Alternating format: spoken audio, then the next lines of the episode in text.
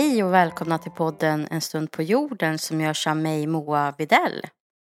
Nu var det ett bra tag sedan vi hördes och det var nästan för länge sedan tycker jag. För sommaren är ju faktiskt över nu och hösten står för dörren. Och jag hoppas att ni är sugna på en ny säsong av podden, för det är jag. För några veckor sedan så flyttade jag tillbaka till min hemstad Skara. Och Skara är faktiskt en väldigt gammal stad, mer än tusen år. Och staden var under en period en av de viktigaste i landet. Och staden låg och ligger centralt i landskapet Västergötland där många vägar passerade. Och man tror att Skara grundades vid en gammal tingsplats vid namn Götala. Ja, som ni kanske förstått så kommer dagens avsnitt att handla om min hemstad Skara och dess historia. Och mycket har ju hänt under alla de år som staden har funnits så jag kommer bara kunna ge er en överblicksbild av historien och fokus kommer att ligga på medeltiden som faktiskt var den mest spännande och betydande tiden. Jag hoppas att ni kommer tycka att dagens avsnitt är riktigt spännande. Så nu kör vi igång!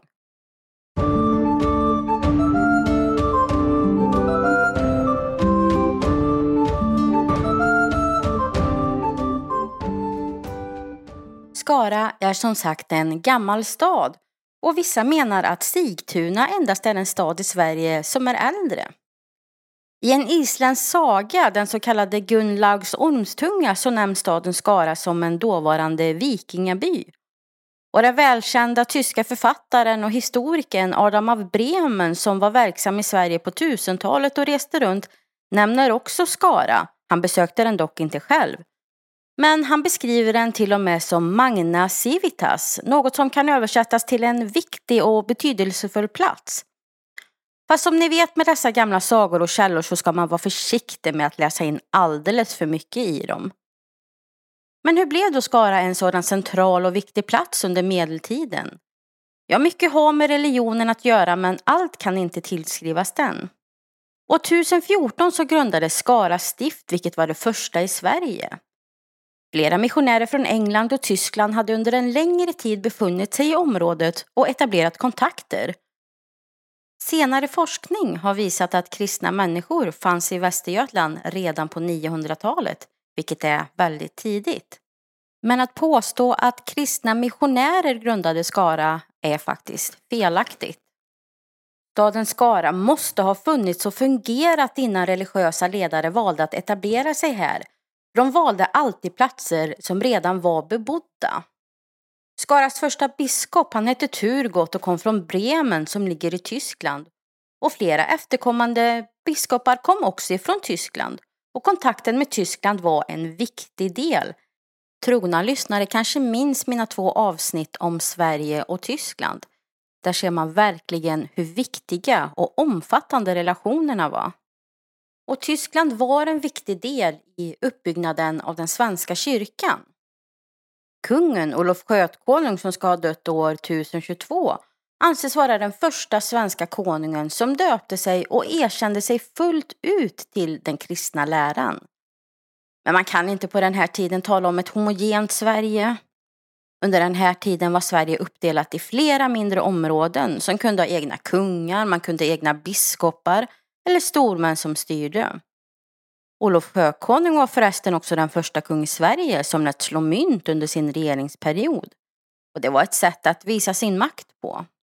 Men tiden under och efter Olof Skötkonungs tid präglas av många strider och kungamakten byts ofta ut. Men Olof lät sig som sagt döpas och det gjorde han i Husaby källa vid foten av Kinnekulle. Där fanns det en kungsgård man tror att det också fanns ett tidigt biskopssäte där, det som senare skulle bli Skara stift. Och Husaby blev en viktig religiös plats och man kan fortfarande idag stoltsera med sin vackra medeltidskyrka och ruinerna av Biskopsborgen.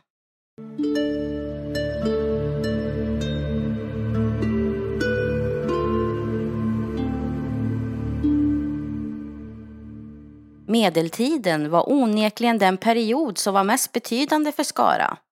Men området kring Skara har ju varit bebott sedan långt tidigare i tiden som jag har berättat.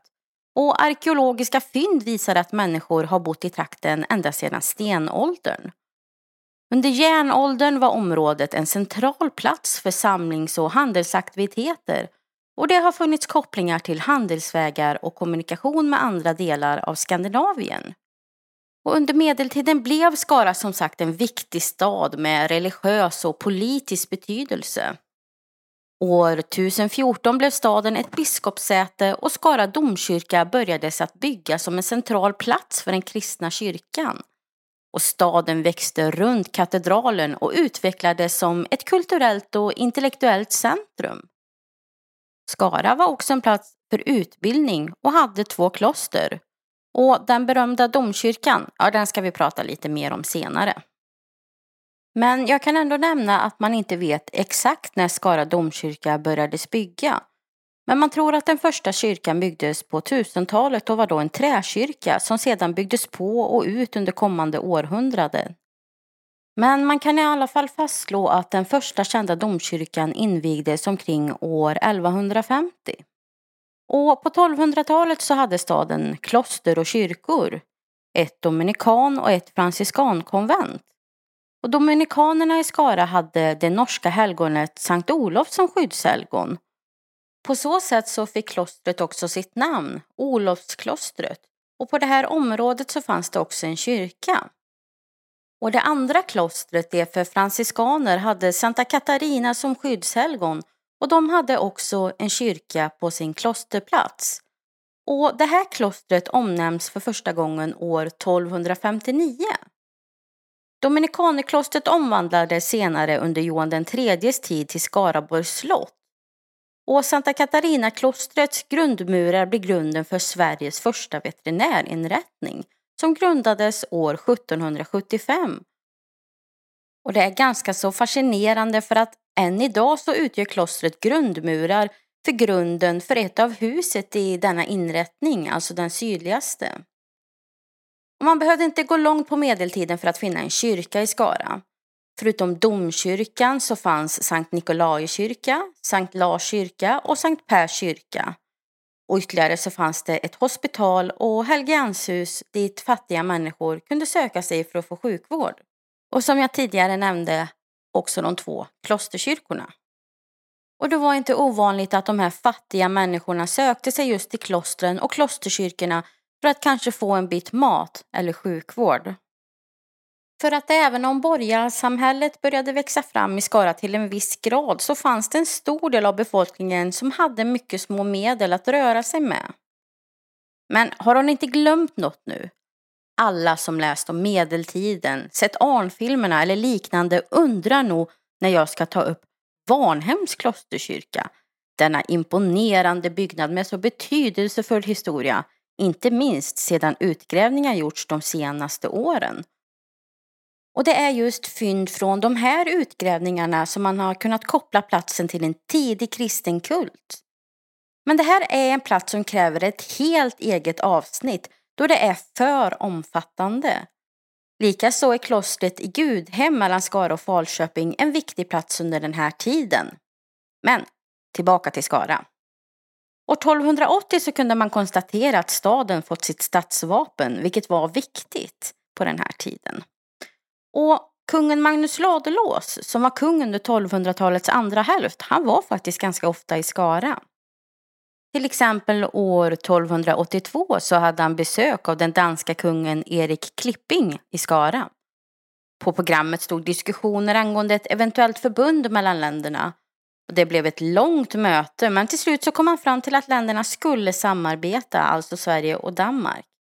Men man kände att de här orden, det var inte tillräckligt och man ville stadsfästa det här med ytterligare något. Ja, vad skulle man göra då? Jo, ett giftermål som skulle stärka banden länderna emellan. Sen blev det fest. En vild sån om man ska tro de gamla berättelserna och källorna. Alkoholen flödade och deltagarna blev allt mer berusade ju mer tiden gick. Och det sägs till och med att det ska blivit bråk och duster. Men när det väl kom till kritan så levde inte Magnus upp till sin del av avtalet. Han gifte sig inte med den tilltänkta bruden utan vände sig istället mot Holstein. Både för politiskt stöd men också för att hitta en maka. Bara några år senare så var Magnus Ladulås åter i Skara Och år 1285 så författade han sitt testamente i stan. Enligt historien gjorde Magnus Ladulås något märkligt i Skara domkyrka år 1289. Han ska efter att gudstjänsten varit färdig tagit av sig sitt svärd, gått fram med det till altaret och placerat svärdet på det. Och efter att han hade gjort det här så föll han på knä framför den antagligen lite förvånade biskopen Brynolf Algotsson. Magnus bad sedan Brynolf om förlåtelse. Men för vad? Jo, för att han ansåg sig ha förolämpat såväl Brynolf som hans släkt när Brynolfs bror Folke försökte skaffa sig en maka via ett så kallat klosterrov.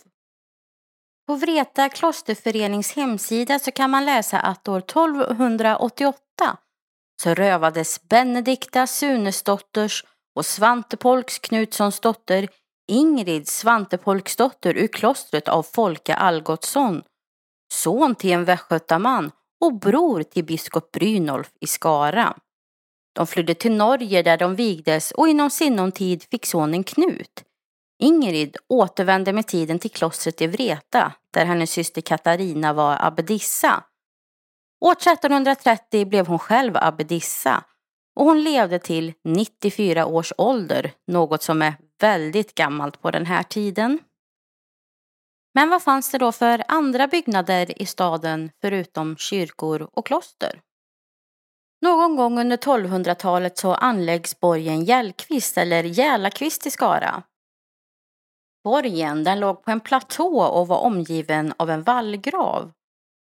Uppskattningar har gjorts att borgen ursprungligen mätte 180 gånger 180 meter, vilket motsvarar en yta på ungefär 32 000 kvadratmeter, vilket är ganska så stort och imponerande. Och man kan med säkerhet veta att borgen fanns år 1272 för då skriver kung Valdemar ett gåvobrev som undertecknas med borgens plats. För förr i tiden så gjorde man så. Det är ungefär som att jag skulle sitta och skriva ett brev här och underteckna det med Moa, min gata i Skara. Och likaså så skriver Magnus Ladulås ett brev därifrån 1278 och i Sverige så kom det att byggas många borgar under 1200-talet. Det var lite på mode. Och en annan borg som uppkommer i området är Axvalla hus. Och den låg strategiskt placerad på en udde vid en sjö, bara några kilometer ifrån Skara. Och i skriftliga källor så nämns borgen för första gången år 1277, då den utsätts för ett danskt infall. Och det är möjligt att borgen är ännu äldre än det här. Borgen Gällakvist försvinner ganska snabbt ur de skriftliga källorna medan Axvalla fortsätter att dyka upp i brev och skrifter ända till 1471 då borgen förstörs i krig. Och ser man så här i efterhand så hade Axvalla en bättre strategisk plats än Jälakvist och det var kanske just därför den kom att användas längre.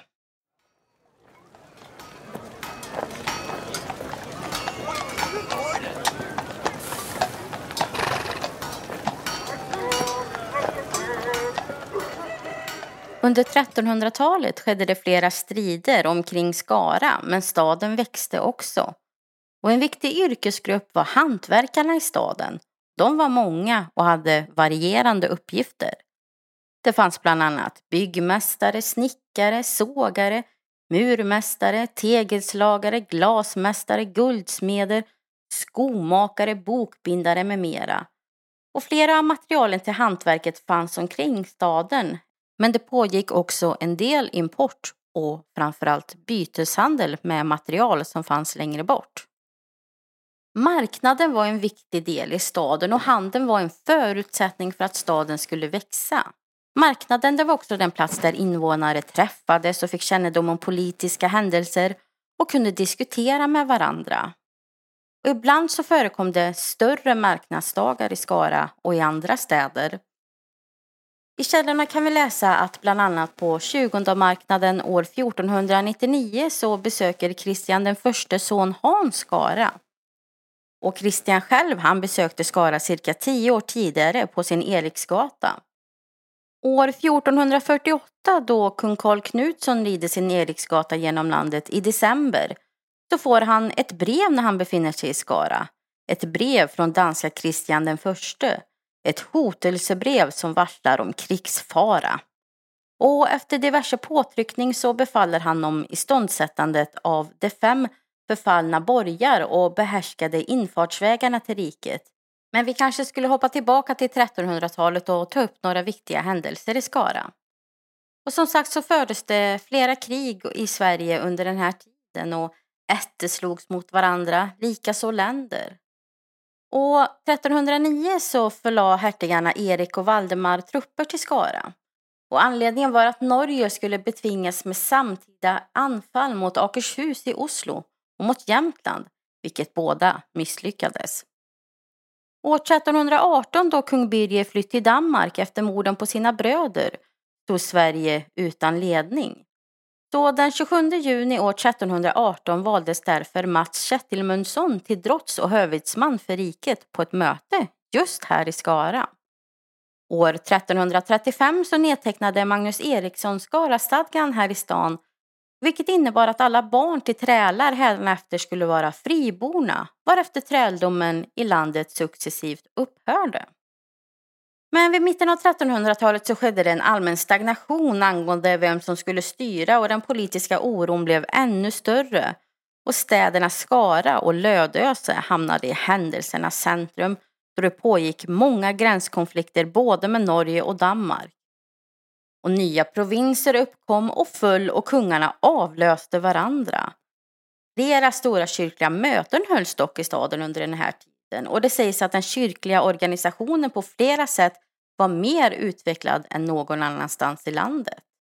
Men likaså så blev biskoparna allt mer involverade i det politiska livet och de många tronstriderna, vilket inte var så bra, för de skulle ju egentligen inte ha med det att göra. Men det här är något som vi både ser i Sverige och Europa under den här tiden.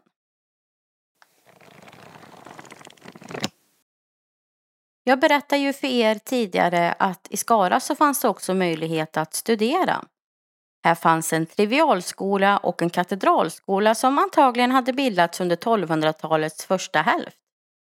Katedralskolan i Skara hade ett mycket gott rykte och var väldigt betydande och enligt vissa källor var det den största katedralskolan i hela landet precis innan reformationen genomfördes. Och syftet med skolorna var att utbilda präster och lärda män inom kyrkan. Och i början vet ni som jag sa så fick många präster importeras ifrån Tyskland vilket man ville få en ändring på. Speciellt på grund av språket. Och även om gudstjänsterna skedde på latin så var det faktiskt en fördel om prästen kunde kommunicera med sina församlingsbor. Skolorna i Skara de fick en betydande roll i utbildningen av svenska präster. Men under den här tiden, alltså på 1300-talet, sveper också den svarta döden fram i Europa, den så kallade digerdöden, och Skara kom på något sätt inte undan. I vissa källor beskrivs det att staden drabbades extra hårt. Och när 1300-tal övergick till 1400-tal så inträffade en av de tidigaste dokumenterade stadsbränderna i Skara runt år 1400. Denna brand förstörde stora delar av stan inklusive delar av kyrkan och biskopsgården. Och det här var verkligen ingen bra start på ett nytt århundrade. Och vilken väg skulle man ta nu? Ja, för Skaraborna fanns det bara ett alternativ, att återuppbygga staden och kyrkan. Och Skara fortsatte att vara en viktig plats under medeltiden. Men så småningom så började makten att centraliseras till Stockholm vilket gjorde att städer som Skara och Lödöse kom allt längre ifrån maktens centrum. Även om Skara rent religiöst var väldigt viktigt ända fram till reformationen. Men efter det så kom staden att tappa allt mer i betydelse även om man ganska så snabbt kunde återuppta de olika utbildningarna som hade lagts ner då Sverige övergick från katolicism till protestantism. För det var ju kyrkorna som hade huvudansvaret för utbildningen. Men dock så försvann ju alla kloster och det här tog kungen Johan III vara på som jag tidigare sagt. Det tidigare dominikanerklostret Sankt Olof lät han bygga om och ut till ett riktigt praktslott. Den tidigare klosterkyrkan fick bli slottskyrka helt enkelt. och arbetet stod klart år 1585 och det här kallades för Skaraborgs slott. Och därifrån härstammar faktiskt namnet Skaraborg som Axel Oxenstierna gav länet år 1634. Men då fanns det tyvärr inte så mycket kvar av slottet, för det hade bränts ner av danskarna redan år 1612. Det fanns planer på att bygga upp slottet igen då landshövdingen hade bott där.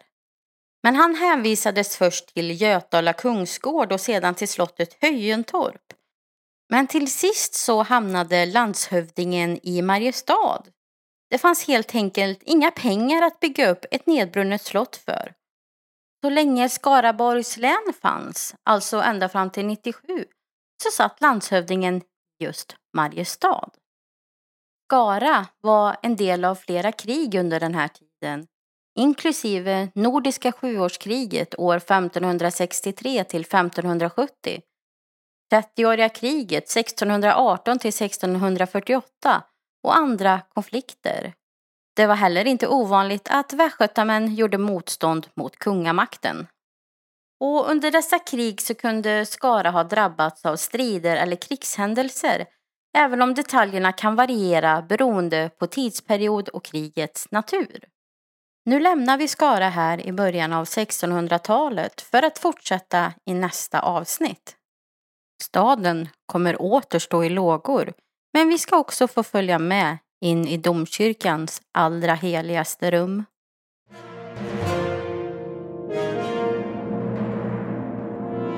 Vet du faktiskt en sak?